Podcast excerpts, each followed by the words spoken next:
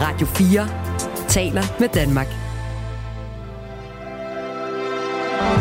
Velkommen til det sidste måltid. Din vært er Lærke Kløvedal. Glenn Beck, forfatter og privatpraktiserende psykolog. Velkommen til dit sidste måltid. Mange tak.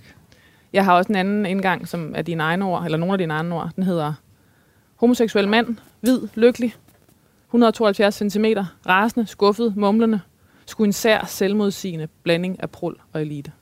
Ja, den er også god. De fungerer begge to. Okay, det er godt. Øhm, forfatter og privatpraktiserende psykolog. Hvordan tænker du dig selv? Øh, hvad, hvad er det rigtige ord i den her kontekst, i, øh, i, i, i sådan et eftermæle-kontekst? Øhm, forfatter. Øh, tænker. Øh, sart overvældet. Idealist. Mm. Ja. Og så har jeg psykologvirke også en der om ugen. Øh, jeg kunne godt arbejde fuld tid som psykolog. Min indbakke er fuld af, af klienter, der spejler sig i de ting, jeg render og siger. Det er primært sådan nogle klienter, der henvender sig. Ja. Men jeg har skåret ned på en dag nu, fordi jeg kan ikke øh, være nærværende i det, mens alt det her foregår. Og forfatterkarrieren trækker også, og mine bøger skal oversættes, så jeg, flyv, jeg, skal flyve rundt i de lande, den udkommer i. Og, og det er jo spændende. Altså, det er jo helt vildt spændende for mig. Altså, jeg tror ikke, jeg kan huske, at jeg har set øh, nogen have en øh, turnéplan så hæftig som, som din. Mm. Altså, øh, altså øh, du er nærmest ude hver dag. Ja. Det er, det er, det, det er vildt. Mm. Og jeg, jeg har nemlig tænkt på det der med, at det må være specielt at være, øh, at være psykolog samtidig, fordi det, det er bare sådan i hele sin øh, øh, essens er så, eller i hvert fald psykolog med klienter, Mm. øh, er så anderledes. Ja, jeg kan godt lide kontrasten. Øh, som psykolog handler det ikke om mig. Mm. Det er for det første... Åh, oh, et dejligt rum der, Monstein, hvor det ikke handler om dig, eller hvornår du nu. Ja, tirsdag.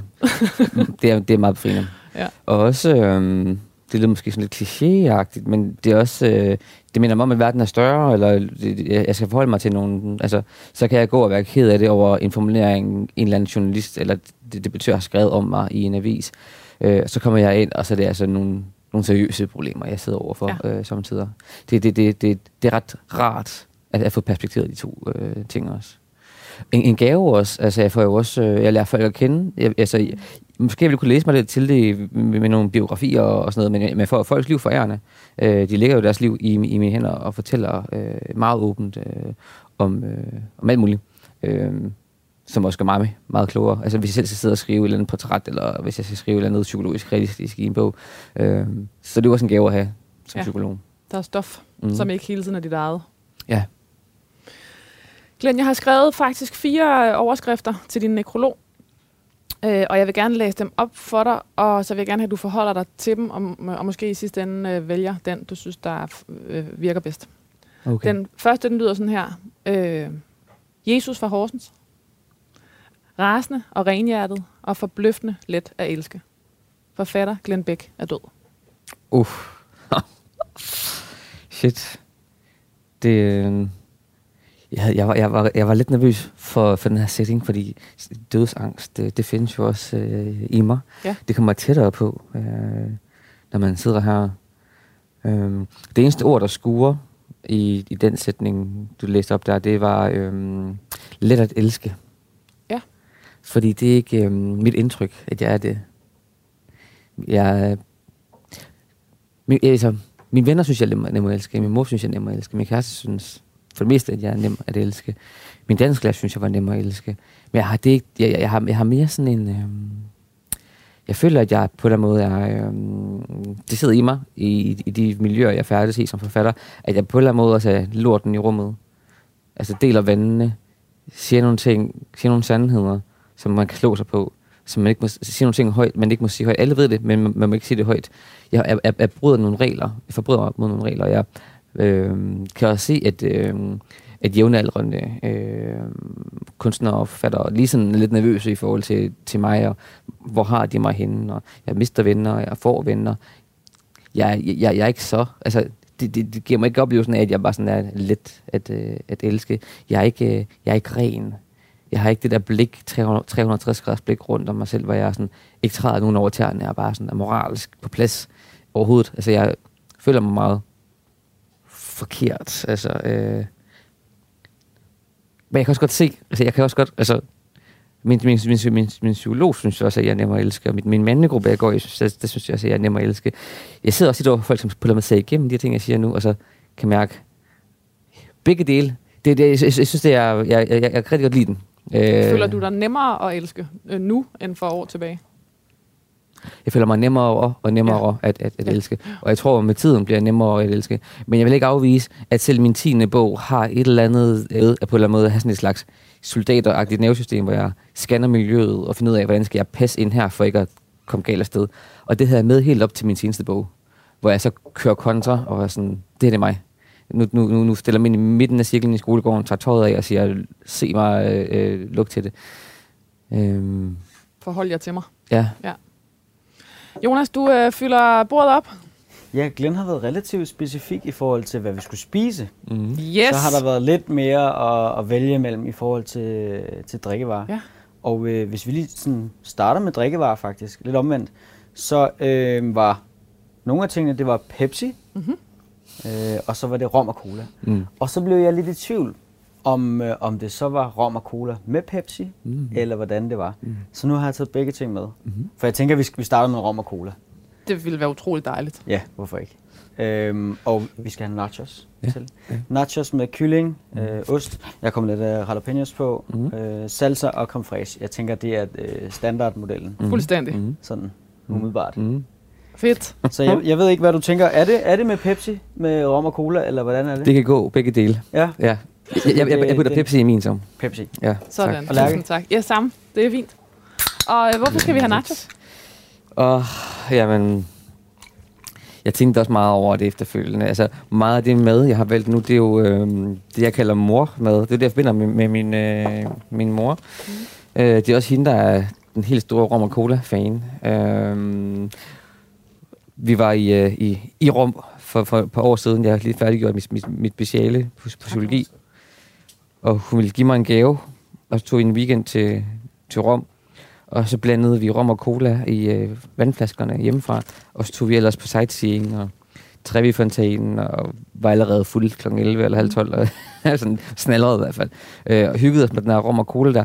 Og det var ikke, det var ikke fordi jeg som sådan synes, den, den, det smagte fantastisk, men det hørte sig til på en måde. Øhm, og, det, og det samme egentlig med, med det, vi skal at spise. Øhm, nachos skal jeg godt finde på at lave øh, selv. Øh, også øh, derhjemme, hvis jeg skal snakke øh, lørdag aften, og, og, jeg ikke, og jeg ikke har planer. Med kylling, det er så deluxe-modellen. Det er aftensmaden. Ja, så det er bliver det. det aftensmad. Så går du fra snack til aftensmad. Ja. Ja. Ja. Det er jo en kongesnack. Ja, ikke? Jo, fuldstændig. Okay. Glenn, jeg kommer fra din overskrift. Din første Mhm, overskrift. mhm, mhm. Den hedder Jesus fra Horsens. Rasende og renhjertet og forbløffende let at elske. Ja. Forfatter Glenn Bæk er død. Fuck. Og det er fra Weekendavisen. Mm. Det skal man sige. Den næste lyder sådan her. Glenn Bæk er død. På blot to år blev Glenn Bæk en kritikerdarling, der skrev klassekampen ind i nutiden. Han blev hyldet som toneangivende for en hel generation, et helt samfundslag. Mm. Hvad synes du om den? Og der er mange ting, der sker i mig. Jeg har sådan en uh, jantelovs ting, der handler om, at det er nogle store ord. Ja. Det er godt nok øhm, flot. Jeg kunne bedre den første, faktisk. Mm. Den var, jeg, jeg, kunne godt lide, den var sådan lidt personlig, synes ja. jeg, på en anden måde. Den her øhm, er, er lidt mere sådan øh, overskriftagtig for mig, sådan journalistagtig. Øhm, store vendinger. Øhm, At det er også lidt meget her på sine skuldre.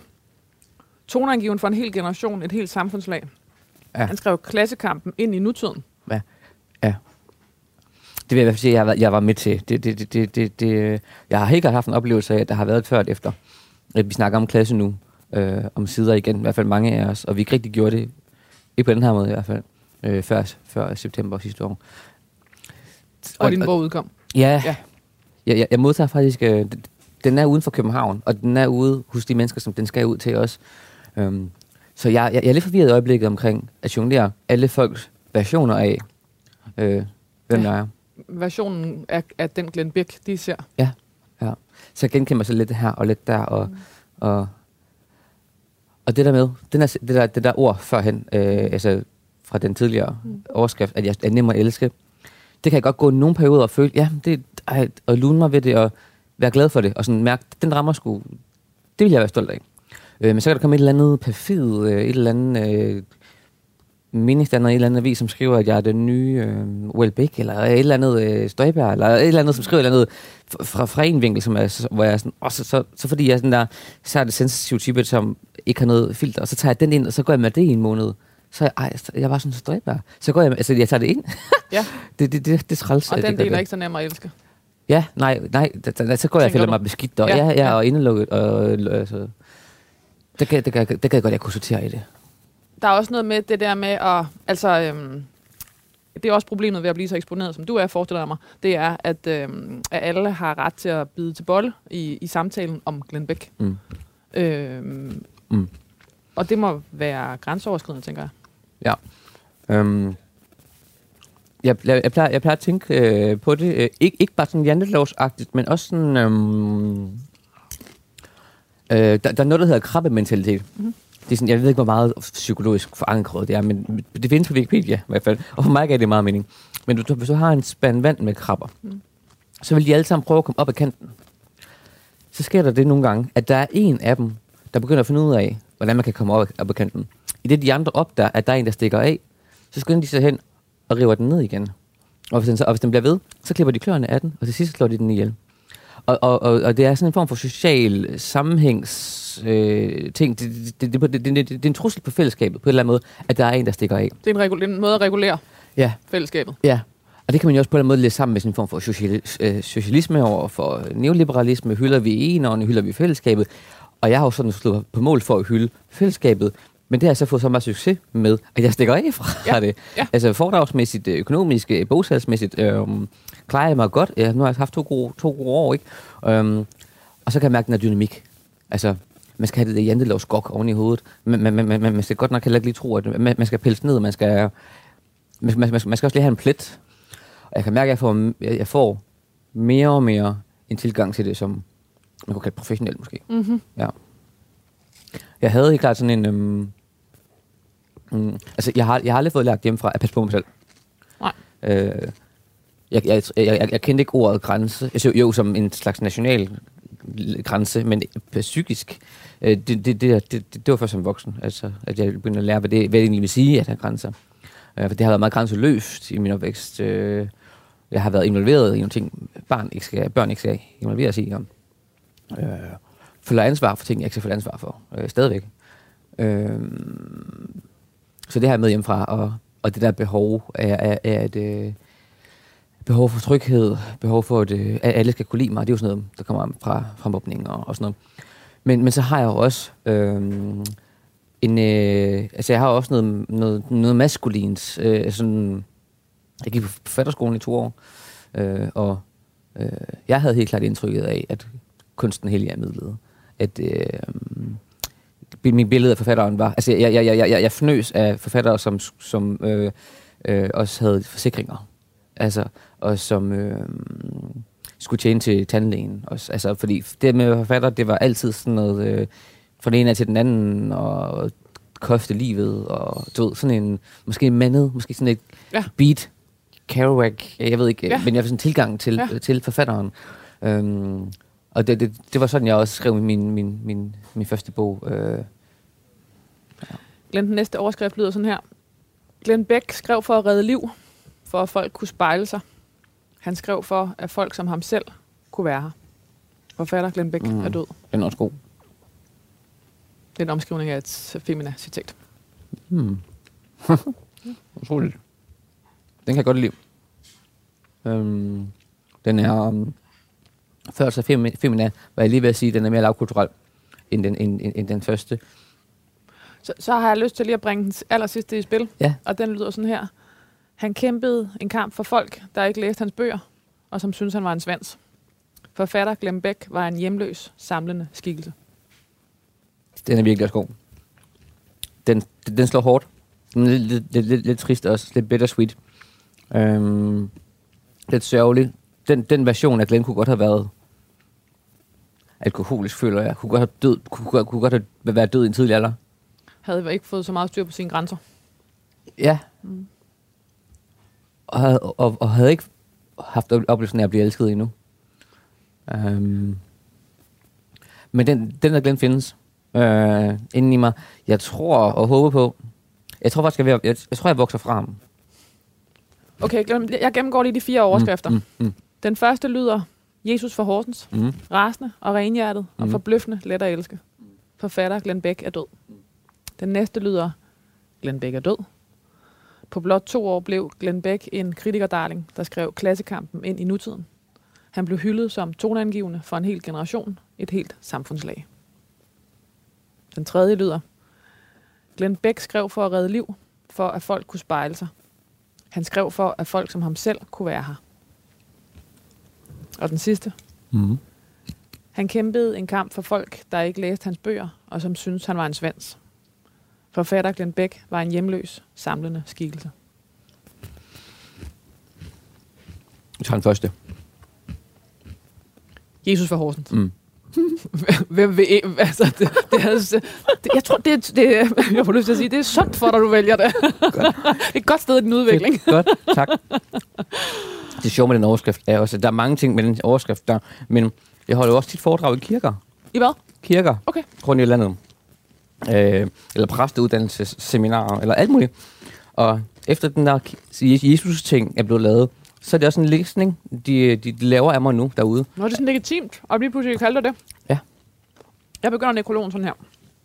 Sjældent, vel maksimalt en gang per årti, ser man en bog med digte i Danmark, som alle synes at have en mening om. Fra magthavere og politikere og almindelige mennesker, i citationstegn, der har delt bogen på sociale medier.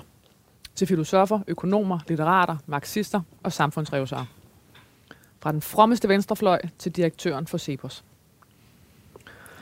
At sige, at Glenn Becks kampskrift, jeg anerkender ikke længere jeres autoritet, ramte noget i tiden, ville være en underdrivelse. Det slog, snarere, det slog snarere ned i tidsånden og efterlod et krater i den.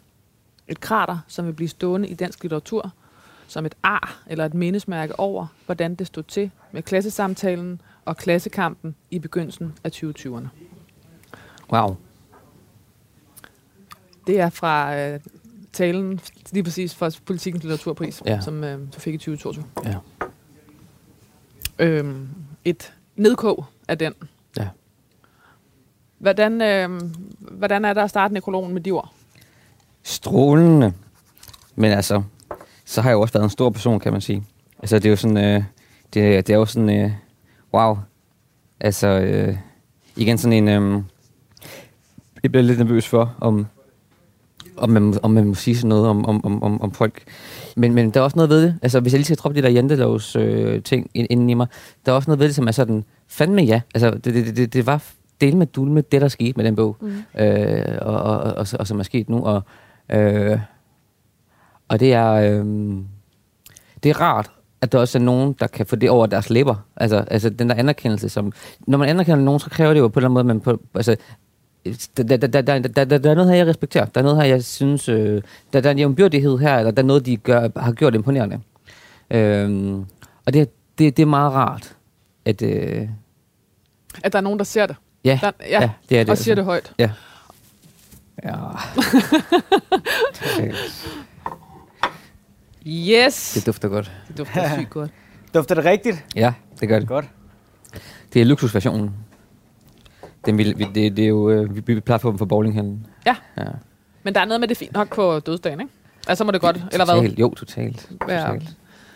Det er noget særligt. Ja. Jeg tror, det er så autentisk mm. som, som, øh, som ønsker.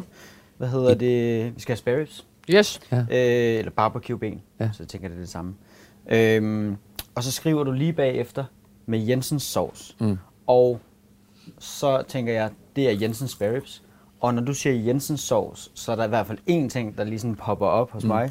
Og det er den her Jensens øh, favoritsovs. Mm. Mm. Øh, så jeg har taget chancen, og det har jeg simpelthen lavet. Mm. Mm. Og der kan man dosere, lige som man har lyst Det er til. lige præcis den. Er det det? Ja, det er det. Nej, det tænker jeg nok. det, det må være venner. Jeg kan selv godt huske den fra, da jeg var, da jeg var yngre. Hvad hedder det? Og det er bare sådan en, der ikke skal pilles ved, ikke? Altså, du ved, Ja, hvis ja. jeg kender Jonas ret, så vil han, øhm, altså, kunne det være sådan noget, Nå, men så skulle du selv give, dig, give dit skud på det, eller du ved, som man typisk gør. Men det, her skulle den bare være ren, ikke? Jo, fuldstændig. Ja. Fuldstændig. Øh, ellers så begynder jeg jo også at rode lidt med, med dine minder, tænker Mm. jeg. Ja, Og det er, ikke, pointe. det er ikke lige frem planen. Mm. Mm. Øh, så, så der gør ikke noget af mig. Hvad hedder det? Tynde pomfritter Mm. ved siden af. Og øh, så var der lidt det her med, med drikkevarer. Det kunne lidt være mange forskellige ting. Og så tænkte jeg, ribs, øl var en af dem. Mm. Så tænkte jeg, det er der, vi skal have øl. Mm. Øh, gerne noget specialøl. Ikke julet Mm. og ikke mørkt. Mm. Så Great. fynsk forår. Den Fedt. drikker jeg. Det Er det rigtigt? Ja, det gør jeg. Ej, Det er stik modsat øh, jul, og det er ikke mørkt øl. Så det er simpelthen Optur. det, som vi skal have. Ja. Hvorfor skal vi have um, spare ribs? Jamen, det er jo sådan, det, det, er det for mig er det fødselsdagsmad. Ja. Det er det, vi får, når det virkelig skal være fint og godt og, og, og sådan noget. Øhm, Når der er noget at fejre. Ja. Så fik vi spare ribs. Det var så meget forbudt også. Det var sådan smovske mad. Man bliver helt beskidt i hovedet af det. Øhm, ja, og det, det var det, vi skulle have. Er det et rart minde? Ja. Ja. Primært. Jeg- har også nogle øh, grimme fødselsdage. Jeg kan huske en gang, øhm, det var noget, øh, en stedfar, vi havde, hvor øhm, vi skulle hente nogle, nogle ben, og de kommer i nogle rækker.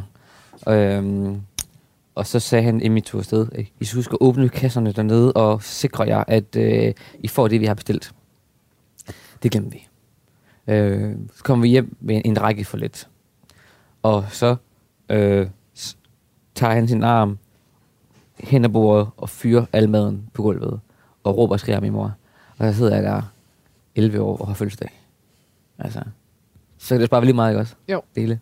Jo, så kunne, kunne man næsten ønske, man ikke havde fødselsdag. Ja.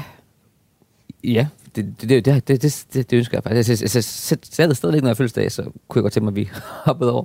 På grund af oplevelser som Ja, den. Måske flere af Ja. sådan nogle øh, akkumulerede, øh, også bare opmærksomhed. Det, det, ja, på den måde. Men, Men også en forventning, øh, øh, altså en forventning om, at noget skal være godt, øh, er jo sådan en presbold i alle familier. Mm. Men, øh, og, og måske især i familier, hvor, øh, hvor nervesystemerne ikke er så rolige. ja, ja. Og ekstremt, øh, ekstremt forsikret, når vi ikke har det godt, i Ja. virkeligheden, nogen af os. Ja. Øh, og så sidder vi der og sådan, mm, og er du bare helt vildt glad? Og, og der var jo momenter, hvor, hvor, vi, hvor, hvor vi var det, øh, især vil jeg påstå, når jeg havde en mor for mig selv. Men ja, barbecue-ben, det, det, det, det, der var mange år, der, der, der, der, jeg tror, der var i hvert fald 15 år, hvor jeg ikke fik det igen. Men så de seneste 2-3 år, så er det sådan noget, øh, samtidig min, min mor foreslår, hvis, når jeg kommer hjem, om vi skal have det.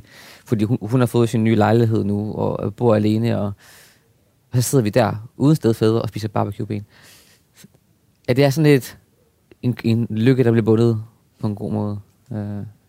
Det er også en måde at, det ved jeg ikke, altså sådan noget, skubbe bedre minder i forgrunden. Ja. Altså, og jo flere bedre minder, der kommer i forgrunden, Mhm. mm-hmm. så på mm-hmm. et eller andet tidspunkt bliver, det ved jeg grundmindet måske også, øh, Overskrevet. Ja. Eller sådan, ja. Ja. ja. Helt klart. I forhold til den der angst for at, øh, at have toppet, eller at blive Mm. glemt, eller um, bliver min næste bog nu også et hit. Nu har jeg lavet to hits i streg. ja, på to år. på to år. I know, I know. Øhm, der var påskeferie nu her, ikke også? Øhm, jeg holder ikke ferie, men det gør resten af landet. Øh, jeg er selvstændig virksomhed, så, så jeg arbejder jo. Det er det mange, der gør. Men, men, men øhm, påsken var, var, var stillestående. Den var død. Det er sådan, rigtig, det er sådan en lørdag, der bare blev ved. Og jeg kan mærke, at jeg fik lidt angst af det. Sådan, øh, gud, nu skete det. Nu blev du glemt. Den raslede også. Den, den, den, min bog raslede fra nummer et på bestsellerlisten ned til nummer 4. og jeg var sådan, gud, nu sker det.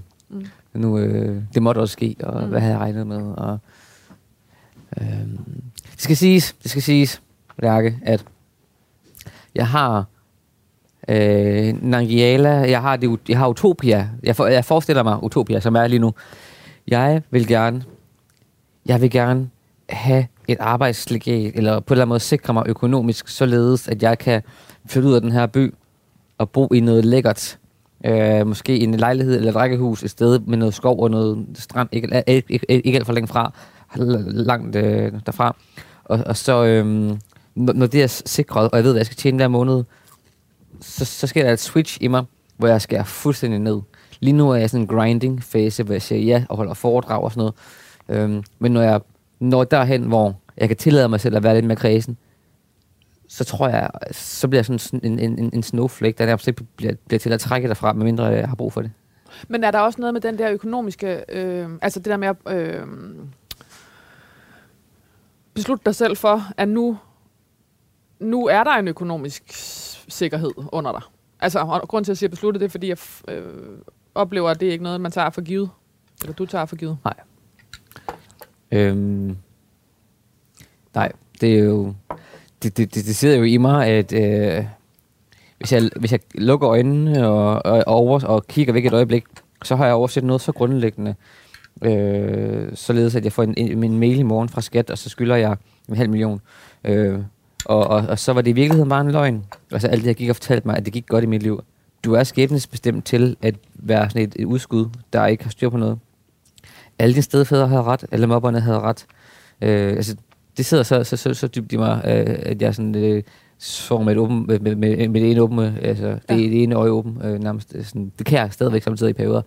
Især når der bliver skrevet meget om mig i medierne, ikke? Øh, men jeg, altså, jeg tror, at når jeg sådan objektivt set kan, kan, kan, sådan, kan se, at nu har jeg noget bolig, jeg har mursten, og jeg ejer det, øh, og øh, da det her lån, når det bliver betalt, bliver betalt af, så har jeg min pensionsopsparing i det her sted.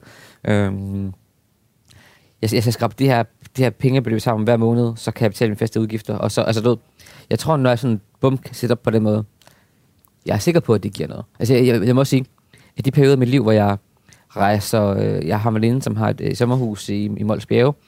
Når jeg er derude, så bliver jeg også, så går der et par dage, jeg får nervesystemet lidt ned. Øh, jeg bliver faktisk mere modig. Mm. Altså, det, det, det, det, det derude, jeg skrev mine, øh, mine tekster i Altinget, som gjorde, at jeg fik nytårstalen i deadline. Mm. Det var ud af det blå. Jeg, jeg, jeg, jeg har gået og lyttet til, til fuglesang hele den lang, gået en lang tur i skoven, kom hjem, bum, en tekst i Altinget. Øh, hvorimod øh, her i København, så går jeg og dukker mig, sådan, fordi jeg bliver også genkendt, og øh, ja. Så jeg tror, jeg tror, fysisk ville jeg gøre en hel masse, økonomisk ville jeg gøre en hel masse, at komme lidt væk over i noget andet.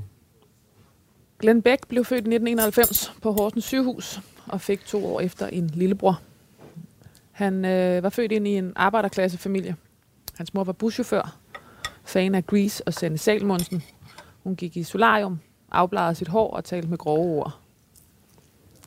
Hans far var postbud, drak for meget og talte ikke med andre om sine følelser. Han tog sit eget liv, da Glenn Beck var fem år. Det er på det magasin, der hedder Fine Spind. Mm. Efter farens selvmord voksede Glenn Beck op med skiftende, uterrenlige og voldelige stedfædre. Hans mor blev tæsket, udsat for seksuelle overgreb og græd ofte sig selv i søvn. Alle de ting, som kan få tilværelsen... Øh, alle de ting, som man kan få ind i tilværelsen gennem gode og nærværende forældre, fik Glenn Beck ikke med. Selvværd, evne til at berolige sig selv, tillid til sig selv og andre. Glenn Beck fik alt det modsatte. Den er hård. Jeg synes også, den er hård at læse for dig. Mm. de, når, når, når alt kommer til alt, så øh, jeg har, altså, der var jeg i mit liv i dag. Jeg, jeg, jeg, jeg, jeg er i stand til at have, en øh, meningsfuld kærlighedsrelation til en, øh, en, en andet menneske. Jeg kan gennemføre et, et interview. Øh, jeg holder foredrag. Øh, jeg har venner. Øh, jeg har gået forhold til min mor. Øh, jeg går selv til PI. Arbejder som psykolog. Jeg er uddannet psykolog. Altså, For eksempel? Øh, ja. ja. Øh, som, som hvad skal man sige, øhm, jeg er jo, øh, jeg har jo klaret mig øh, meget bedre end øh, mange, der måske har oplevet noget tilsvarende, øh, eller værre. Øh. Og det, det, det, ja, det er også sjovt, at jeg får, brug for at pointere det af en eller anden grund. Det er sådan en, ikke sådan en positionsting, hvem er jeg, hvad, hvad må jeg sige. Det er også når man hører sådan noget derude, det er også en version af mig. Ja. Så det, det er sådan lidt, åh, jeg bliver sådan lidt forvirret af det, faktisk. Ja. ja. Jeg tror egentlig, det jeg ville spørge dig om, om med det her, Glenn, det var, øhm, hvor meget af, af den del, der, der er sådan lidt mere detaljeret, som det, jeg lige har læst op nu, øhm, om din barndom, skal, der skal være en del af din nekrolog.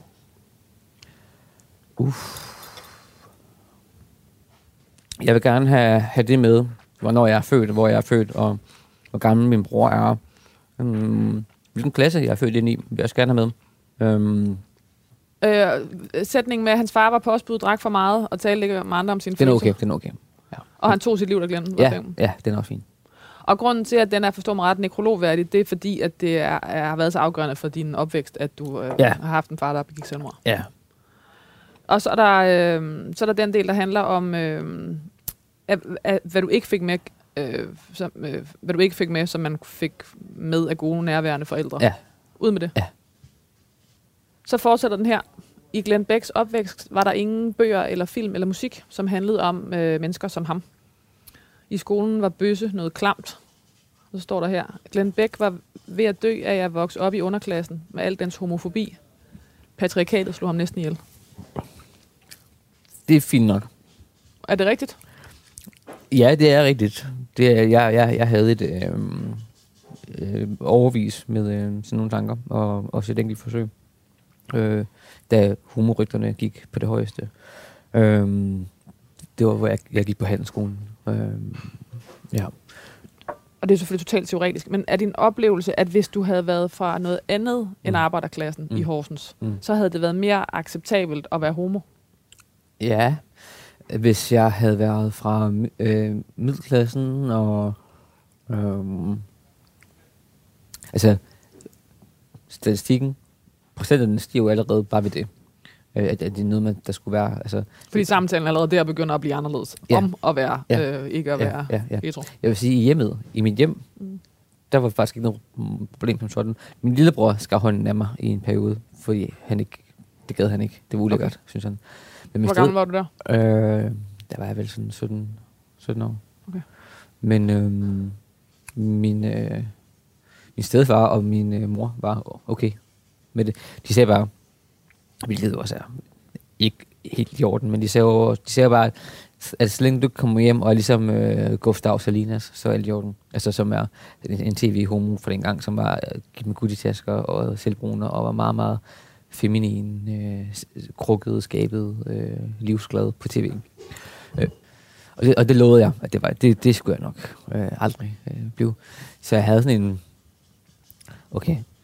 Det var, altså, jeg, Fordi hvad repræsenterede det eller han? svanset, øh, altså det er også øh, mange homoseksuelle, jeg kender, som de har oplevet, at, at, at, at det, de springer ud, så er de sådan en slags halvmand efterfølgende. Altså det er sådan et, du, du mister øh, det at være en dreng på en eller anden måde. Altså, eller noget med, det oplever mange i hvert fald, at de, at, at de gør, at så er de kvindagtige, og så har de noget kvinde i sig. Og det er det Hvilket- værste, man kan være. Ja, det er faktisk det værste, man kan være. Øh, I forhold til sådan noget. I visse miljøer. Fodboldmiljø og øh, handelsskole miljø. Øh, der var det, ja. Det, var det. Var det øhm, øh, fra sådan et overskuds, øh, sådan, øh, hvad skal jeg sige, sådan overskudsterrasse, så tænker man, hvorfor, hvorfor, jamen, hvorfor gik du så på handelsskolen? Hvorfor gik, så gik du så til fodbold? Mm. Mhm. Hvorfor gik du ikke bare til noget andet? Fodbold gik jeg til, fordi jeg gerne ville være almindelig. Og altså, jeg, jeg, jeg nægtede simpelthen, at jeg skulle være sådan en udstødt, ensom type, der tog hjem efter skole og ikke havde nogen at lege med. De spillede alle sammen fodbold, eller mange af dem gjorde. Det nærmest som udtjente værnepligt, føler jeg. Altså, jeg, havde ikke, jeg havde næsten ikke en træningsgang, jeg, jeg kunne lide. Jeg havde ondt i maven, når jeg tog derhen. Jeg havde ondt i maven, når jeg kom hjem. I homoverdenen har vi sådan en, en term med at, øh, at, have et, at have et skæg. Altså, hvis du er homoseksuel, og alle ved det nærmest, men, men du får så en, en, en, en pigekæreste, så kalder vi det et skæg. Okay. Øh, hvor, altså det, det var fodbold også for mig. Ja. Det var, det var en, en, en måde at få et skæg på. Øh, gaming har også været lidt sådan. Okay. Øh, på nogle punkter i hvert fald. Handelsskole øh, skulle jeg nok aldrig have gået på. Øh, jeg havde okay godt år, det er altså tredje år der, men, men jeg er jo sproglig og skulle have gået på noget gymnasie, øh, altså almindelig gymnasie, almin. Øh, men grund til, at det blev handelsskolen, var fordi øh, jeg var, øh, jeg havde sådan en uddannelsesvejleder øh, samtale, hvor min stedfar og min mor var med. Og så spurgte hun mig, vejlederen, hvad, jeg- hvad, hvad jeg godt kunne lide, hvad jeg gerne ville. Så sagde jeg bare, jeg kan godt lide sprog, og jeg kan godt lide at rejse. Og så øh, overtog han ligesom lidt samtalen, fordi han, han mente, at så skulle jeg være speditør, så skulle jeg være sådan noget shipping, eller jeg skulle ind for noget handel. Altså, øh, og så hende vejleder sagde, det synes hun var en god idé, og øh, sådan bekræftede ham meget i det, og jeg sad og sådan, okay, det, det, det kan det godt være, og altså, det, det, i don't know. Og så begyndte jeg der, Øhm, og det var ikke særlig, altså, det var på ingen måde fedt. Da Glenn Beck i 2011 flyttede til Aarhus og startede på psykologistudiet, blev klasseforskellene for alvor tydelige. Han skammede sig over den klasse, han selv var født ind i, og var vred over de manglende muligheder, som han i kraft af sin klasse havde levet med. Han gennemskudde hurtigt, at der var bestemte bøger, man skulle have læst, og bestemte film, man skulle have set, og man skulle tale om dem på, den, på bestemte måder. Øh, mange af hans medstuderende boede i forældrekøb, havde surdejsboller med på madpakken, stod tidligt op og gik til yoga, og glædede sig til at komme hjem til deres familier til jul. Selv følte Glenn Beck, at han var kommet til Mars. Da han selv fik sin første lejelejlighed i Aarhus, lagde han sig ned på gulvet og græd. Han troede næsten ikke, at det kunne være rigtigt, fordi han altid havde hørt, at det krævede et godt netværk at få et sted at bo i byen. Det er fandme rigtigt. Det var fejlfrit. Det var rigtig godt. Ja. Så vi har frugtsalat. Eller abemad. Ja, abemad, Det ja. var faktisk ja, som jeg øh, siger. skrev. Ja, ja. Øh, men jeg tænker, det går, går mere eller mindre ud på et. Så en masse forskellige frugt, Mm-hmm. øh, lidt flødeskum og øh, mørk chokolade. ja. Tak, Jonas. Velkommen. Hvorfor skal vi have abe med? Det er, har altid været yndlingsstationen. Det, øhm, min, min mor lavede det, når jeg har fødselsdag, og så var der altid sådan en halv skål tilbage. Og så gik jeg øh, en, to, tre dage efterfølgende og spiste det øh, med en ske ned i en skål. Mm. Ja. Det ved jeg ikke, det Til har altid... Ja, Mm. ja. I mange år pakkede Glenn Beck forfatterdrømmen langt væk. Da han endelig satsede, blev det et stort vendepunkt. I 2017 var han 25 år og lige gået i gang med sit uh, universitetsspeciale i psykologi. Han havde kurs mod et liv i den akademiske verden og et job som forskningsassistent i sigte, da han pludselig skiftede retning. Sådan ret radikalt. En sen aften sad Glenn Beck og googlede, hvornår der var ansøgningsfrist til forfatterskolen. Der var 14 dage til. Og så ignorerede han sin specialevejleder og gik helt manisk amok med at skrive. Han havde søgt ind fire år tidligere, men fået afslag. Men pludselig var det altafgørende for ham at blive forfatter. Mm. Spot on. På, på alle hylder vil jeg al- al- altid gerne øh, skrive, tror jeg. Jeg vil gerne om... Og, og det, det var defineret for dig tidligt, trods, Ja, altså, ja. på trods af alle de andre uddannelser, så var der, så, så var, Ja. stod det, der Ja. var et eller andet, der stod klart. Jeg kunne se af, min, af mine klæder, fra jeg går i folkeskolen, at jeg har skrevet om selvmord, siden jeg var... Hvornår går jeg i skole? 10-11 år. Begyndte, begyndte jeg at skrive om selvmord i, i klæden og sådan noget. Øhm, vi har jo ikke talt om det. Jeg, jeg, jeg, det er først som voksen, jeg har talt med min mor om det. Altså, Og med din, din fars selvmord. Og det der med, at jeg, siger, at jeg, at jeg savner ham, og der er på, det, det, det, det, det sagde jeg ikke, før jeg blev, blev over 30. Altså, hvis, Han var der bare ikke, eller hvad? Var det det, der var... han var der ikke, der kom der en ny sted for ind i, ind i vores liv, som ikke ville høre tale om det også. Altså, som, nu er det ham, der, der styrede showet, og så skulle vi andre. Ja. Så sådan var det. Og, og nu, far for at stille de dumme spørgsmål, altså, og der, det var ikke, der var ikke, det var ikke et, et, en skole, hvor man sagde, han har nok brug for, eller børnehave, hvor man sagde, nok brug for at, at snakke med nogen, når Nej. lige har mistet sin far. Det, det, Nej. De ressourcer var der ikke. Nej. Og, og hvis nogen foreslår det, så tror jeg, at min, min mor ville være sådan lidt bange for systemet. Ja. At de ville tage børnene fra hende, eller at de ville et eller andet. Så det sagde hun også nej tak til. Øhm, så jeg havde sådan et stort indre liv med død og ødelæggelse og mørke øh, ting og mm, skam. Og, altså, det er jo klart, når du ikke får muligheden for at fortælle det til folk. Det kan også godt være, at det, at jeg ikke fik muligheden for det, gjorde, jeg, at jeg blev forfatter. Mm. altså, øhm, så jeg har altid haft fortællingen i mig og behovet for at skulle af med det og ud med det. Og skrev altid. Har altid skrevet. Det vil jeg sige. Jo. Øhm, og både på statskundskab og psykologi ville jeg jo jævnligt vågne op om natten og være sådan en, oh, det er bare, det er bare, jeg lyver for mig selv. Jeg tvinger mig selv til at gennemføre noget, som ikke er mig. -agtigt. Og så hver gang jeg prøvede at dykke ned i, hvad det var for en fornemmelse, jeg havde derinde, så var det sådan, hele tiden den der sådan, men det er fordi, det var den der forfatterting der. Og, jeg, og, og det var altid sådan, øh, for, altså efterfulgt af sådan en åh, helt enorm ærgelse og bitterhed, fordi det kunne jeg jo ikke lykkedes med, fordi men, men, men, man skulle hedde alle mulige efternavn for at gå på den her forfatterskole, tænkte jeg, og de modtog 460 ansøgere og lukkede seks elever ind, og jeg kender ingen, der skrev, altså, kendte, havde ikke noget fællesskab i forhold til at, til at dyrke det. Øhm, men så kom der en, øh, en skriveskole øh, nede ved godsbanerne i Aarhus, under Gladiator faktisk. Mm. Øhm, og jeg betalte en masse penge for at gå. Øhm, Mens du læste psykologi? Ja. ja. Og det var bare så mega fedt. Altså det var, øhm, det føltes også forbudt. Det føltes næsten som at være utro mod livet.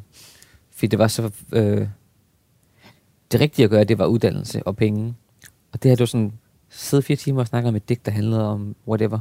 Altså, det føltes som en hån af Mette Frederiksens forestilling om, hvordan man er en god arbejder. Altså, Nyttig. nyttig, ja. Ja, det føltes så unyttigt. Men jeg var helt glad for det. Altså, det var virkelig... Jeg glædede mig hver eneste uge. Det var sådan... Ej, jeg, jeg, jeg, jeg elskede at gå der. Det var virkelig den der ild, der bare går helt amok ind i en. Øhm, jeg tror, jeg havde ni undervisningsgange dernede. Og så øhm, brugte jeg den tid på at begynde at samle nogle tekster sammen. Og så kunne jeg se, okay, den der ansøgning der til, til færdigskolen. Og så, øh, ja, så kom jeg til at gå all in i at skulle skrive den, hvor jeg nærmest ikke fik sovet rigtig i, i, 14 dage, ud, altså jo, måske tre timer sammenhængende nogle gange, øh, men var, var ved lægen for at få noget sovemedicin, og blandet i det i noget whisky om aftenen, for at bedøve mig selv og falde i søvn, men fordi jeg var så manisk betaget, altså besat af det, og øh, stoppede på mit job som forskningsassistent, øh, afleveret blankt i mit speciale, og forlængede mit studie med tre måneder.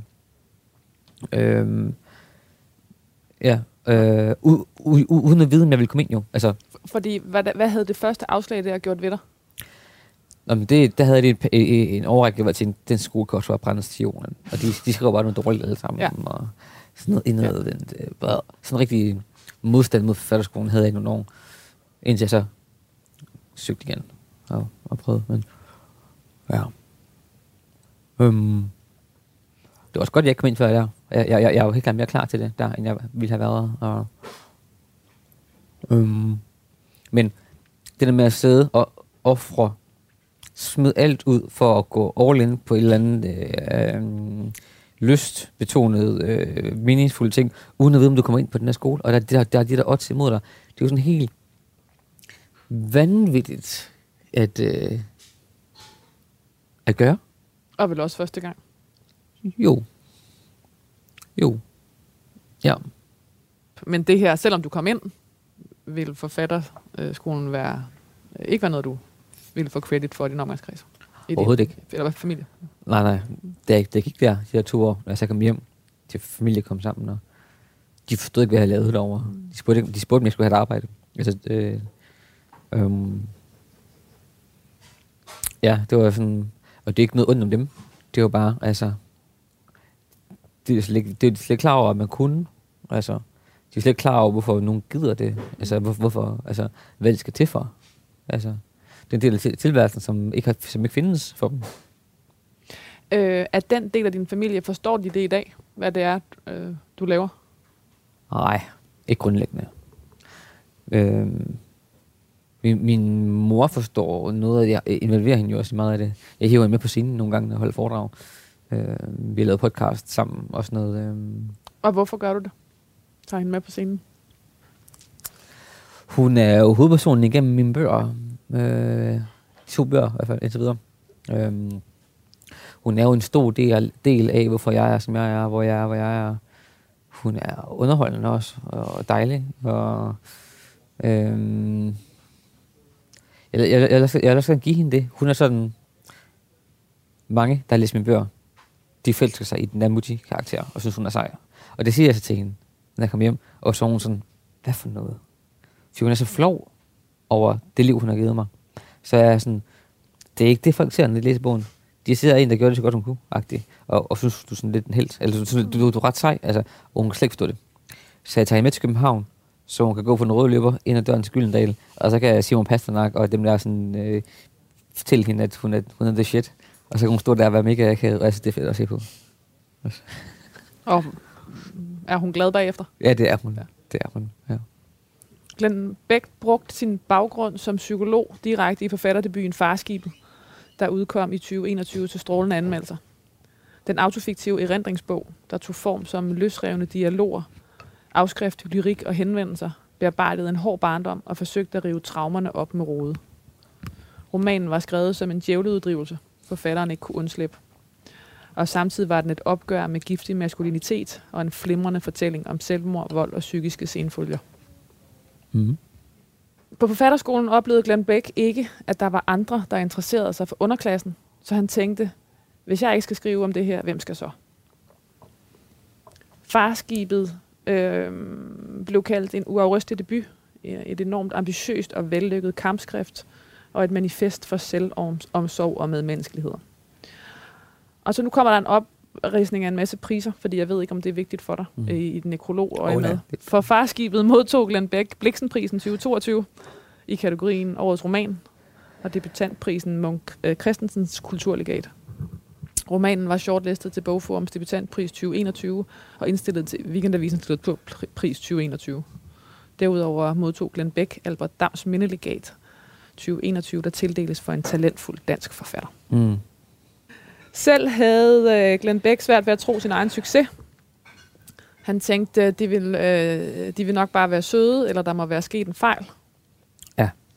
Han kæmpede, står der her, med noget klasseskam, med noget, må jeg være her. At få de mange priser føltes som at stå i skolegården og blive inviteret ind i cirklen. Mm. Det var vidunderligt. Ja. Så længe det var... Eller det var, det var en, det var, det var en, det var en vidunderlig øhm, oplevelse. Altså, Modtagelse. ja, Ja. ja, det var det. det. Fordi det er jo ikke, øhm, hvad skal man sige... Mm, det er jo ikke statisk på den måde. Altså rører det, rører, rører det ind i nervesystemet som sådan en, at nu, nu er du med i gruppen. Øhm, overhovedet. Det, det var forlængelse af, hvad, hvad, hvad, hvad, hvad, vi- startede med at snakke om, synes jeg. Det, det, der, altså, men det er rigtigt, det er rigtig rigtigt, hvad du siger. I virkeligheden, så fucker det jo med, med nervesystemet. At, Succes. ja, Succes er, er farligt for nervesystemet, tænker jeg. Jo. Øh, der er samtidig, øh, hvor når jeg, bliver, jeg lægger mærke til samtidig, at når jeg bliver helt vildt excited over en eller anden nyhed, så mærkes det i kroppen meget ligesom angst. Der er sådan en aktivering på samme måde, Mm. som jeg, øh, ja, som også gør, at øh, jeg har svært ved at falde ned igen på sådan en baseline, eller man skulle sige. Så, så det gør lidt noget, noget, no- nogle samme ting. Men anerkendelse, altså det der anerkendelse af ros har jo også gjort, at jeg kan få lov til at snakke om homofobi i Horsens Folkeblad, og jeg kommer ud over rampen med alle mulige budskaber, og jeg modtager mails fra øh, folk, jeg havde håbet på, ville finde bogen, og det er ekstremt helende. Og, øhm, jeg, jeg, jeg kunne godt bruge, og det er mega privilegeret, det har jeg sagt mange gange nu, men jeg kunne godt bruge et år, øh, hvor jeg lå på en, øh, en, en drømmeseng, en himmelting, og kiggede op i den blå himmel, og mærkede ind i alt det her. Jeg kan godt mærke, når vi snakker om det, at der er mange ting, hvor det, det er gået alt for hurtigt efterfølgende. Jeg kunne godt tænke mig, jeg kunne godt tænke mig at dykke ned i de der 14 dage, hvor jeg sidder der og skriver den der ansøgning der. Det er så definerende, det er så afgørende i to uger for mit liv. Altså der. Øhm, og sådan, altså, øh, den der reorientering, eller den der sådan, hvem er jeg, hvor står jeg nu, hvad, hvad er op og ned i alt det her, det tror jeg også kræver en periode, hvor jeg muter øh, derude. Også fordi alting har været i løb siden. Det er godt nok gået stærkt. Sådan som det er nu, vil jeg ikke kunne klare til i to år mere. Og samtidig så er du bange for at miste. Ja. Jeg skal bare lige økonomisk have sikret øh, med den her bolig. Og så er jeg sådan, I made it. Håber jeg. Dog affødte Glenn Becks imponerende succes også misundelse blandt det forfattermiljø, han pludselig var blevet en del af. Efter udgivelsen fik han kommentarer fra andre, som var misundelige på hans hårde barndom, Mm. som, og det er et citat, gjorde det let for ham at finde noget dybt og rørende at skrive om. Mm. Glenn Beck havde lyst til at give dem et cirkelspark i hovedet, mm. Da han hørte det. Mm. Han ville til hver en tid gerne have byttet med dem. Mm. True, det er rigtig godt. Det, det er nederen, ikke? Altså, det er også lidt sørgeligt, fordi det er jo rigtigt nok, at, at det er svært at leve og være forfatter, og vi er så mange, der gerne vil det, og scenen er så lille, og der er en krig om opmærksomheden, og så er der en periode, hvor der er kapital i noget traume, mm. og der er en periode, hvor der er noget kapital i noget queerness, og en periode, hvor der er kapital i noget hudfarve og noget køn. Så, laver, så det er jo klart, at der opstår misundelse og positionering, og så var der lige en, slap igennem nulåret, heldigt for vedkommende. Øhm, så er der nogen, der er glade for vedkommendes vegne, og så er der alle dem, der ikke er. Og jeg tror bare nu, jeg, jeg har selv været rigtig misundelig. Meget styret også af det, øhm, og kan stadigvæk godt være det nogle gange. Men efter jeg er kommet igennem noget år, så på den anden side nu, på mange, på mange måder, så øhm, slår jeg meget hurtigt ned på den følelse, når jeg får den. Identificere den. Ja. Netop denne privilegieblindhed blev omdrejningspunktet for Glenn Becks anden bog, Manifestet, jeg anerkender ikke længere jeres autoritet, der udkom i 2022, og blev hans, og det er måske den forkerte formulering det her, men jeg har alligevel skrevet folkelige gennembrud. Mm-hmm. Og det er måske et meget forkert ord, fordi som du selv siger, der er jo øh, dem, der ikke læser, vil jeg ikke kalde- det her for folkeligt. Nej, men jeg vil også sige, at jeg er overrasket over, positivt overrasket over, hvor øh, mange af det, man kalder, kunne kalde folk, der øh, faktisk læser den. Altså, der er også øh, krimifolk, der læser den. Øhm, Synes du, det er et rigtigt ord at bruge? ja, det, er, det, er, det er vel et folkeligt gennembrud, når man er med i genotypen. Bingo. Et øh, 300 siders tykt manifest fyldt med varme, indlevende, hysteriske, hykleriske, jamrende, håbefulde, vrede, trøstende og kampklare digte. Om at være drengen Glenn Beck, om at være manden Glenn Beck, om at vokse op i både økonomisk og social underklasse i Horsens, om at være homo, svans, mobbeoffer og udenfor. Bogen var et opgør med alle de autoriteter, der havde undertrykt alle de identiteter, han beboede og tidligere havde beboet. Mm. Den hårde autoritetsskepsis i Becks bog betød, at de fleste stod for skud, men kun én gruppe blev overdynget med Glenn Becks ubetingede kærlighed. Kun én sandhed var ubestridt. Provinsbøsser var Gud. det er information. Information? Det er fra informationen til Nå, hvor vildt. Okay. Det var nemt at sætte Glenn Beck i bås som en slags underklassens repræsentant og stemme, men det ville han ikke have på sig. Mm. Han både var og var ikke sit ophav. Glenn Beck følte sig hjemløs. Så snart han følte, han marcherede i takt til en social gruppe eller et holdningssted, blev han klaustrofobisk og vendte sig om og gik sin vej. Det var ambivalent, for han var også ensom. Glenn Beck var en mand med store følelser. Følelserne kunne ikke rigtig slippe ud i en lille lejlighed i København. De ramte murene og fløj tilbage på ham. Når der var åbne vider, fløj de ligesom til værs. Egentlig befandt han sig mest i ekstremerne. Han havde at bo i storbyen, men han elskede, at der var homoer lige om hjørnet. Han kunne lide, at der var, kultur, der var kulturpersonligheder at tale med og skrivehold og undervise på. Men ude på landet, i naturen, blev han et bedre menneske. Hans nervesystem faldt til ro med det samme. Han sov bedre og blev mere rummelig. Men der kunne to mænd ikke tage hinanden i hånden. Der var for langt til den nærmeste homo, og så havde han det. Uanset hvad Glenn Beck foretog sig, så bestod hans liv af to helt ekstreme modpoler. Mm. Er det rigtigt? Ja, det er det. Det er det. Glenn Beck efterlader sin kæreste. Og så er jeg i tvivl om, jeg også skal skrive din mor Ja, jo, hvis jeg døde nu, jo. Ja. ja. og din bror. Fuck, det er trist, det her, mand. Æret være hans minde. Fuck. Tuder folk nogle gange, når du har læst det op? Det sker. Ja. Kan jeg godt mærke. Jeg øh, kørte ned med noget distance. Ja, Det puster det til dødsangsten. det gør det. Hvad har den handlet om? Altså i mange år ønskede jeg jo faktisk ikke at være her.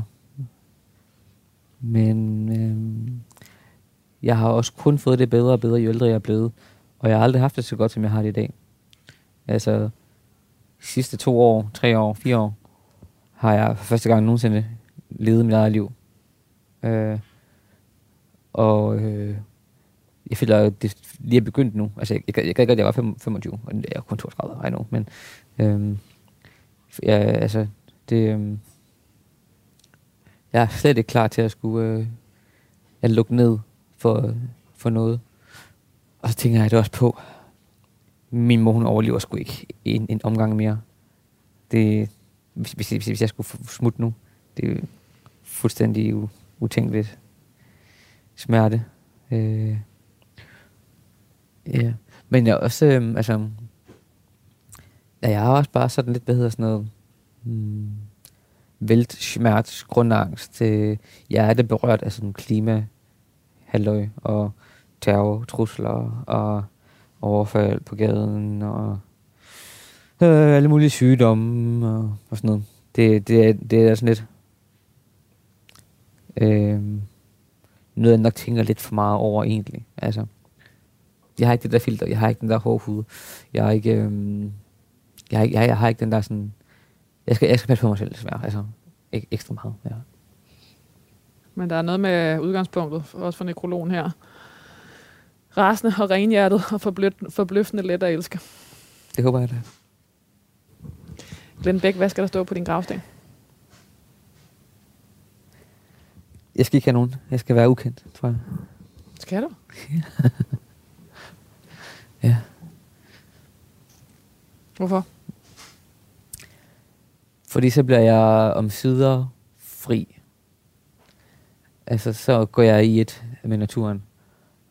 Øh, og er en del af noget større. Det der med en gravsten, så føler jeg mig øh, placeret, eller øh, defineret af, hvordan den ser ud og er.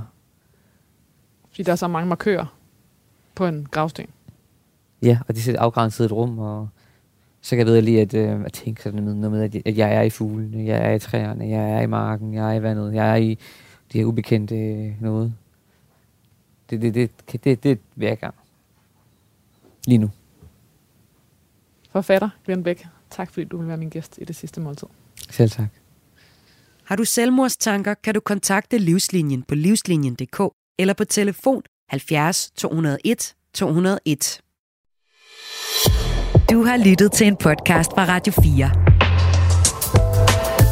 Find flere episoder i vores app, eller der, hvor du lytter til podcast. Radio 4 taler med Danmark.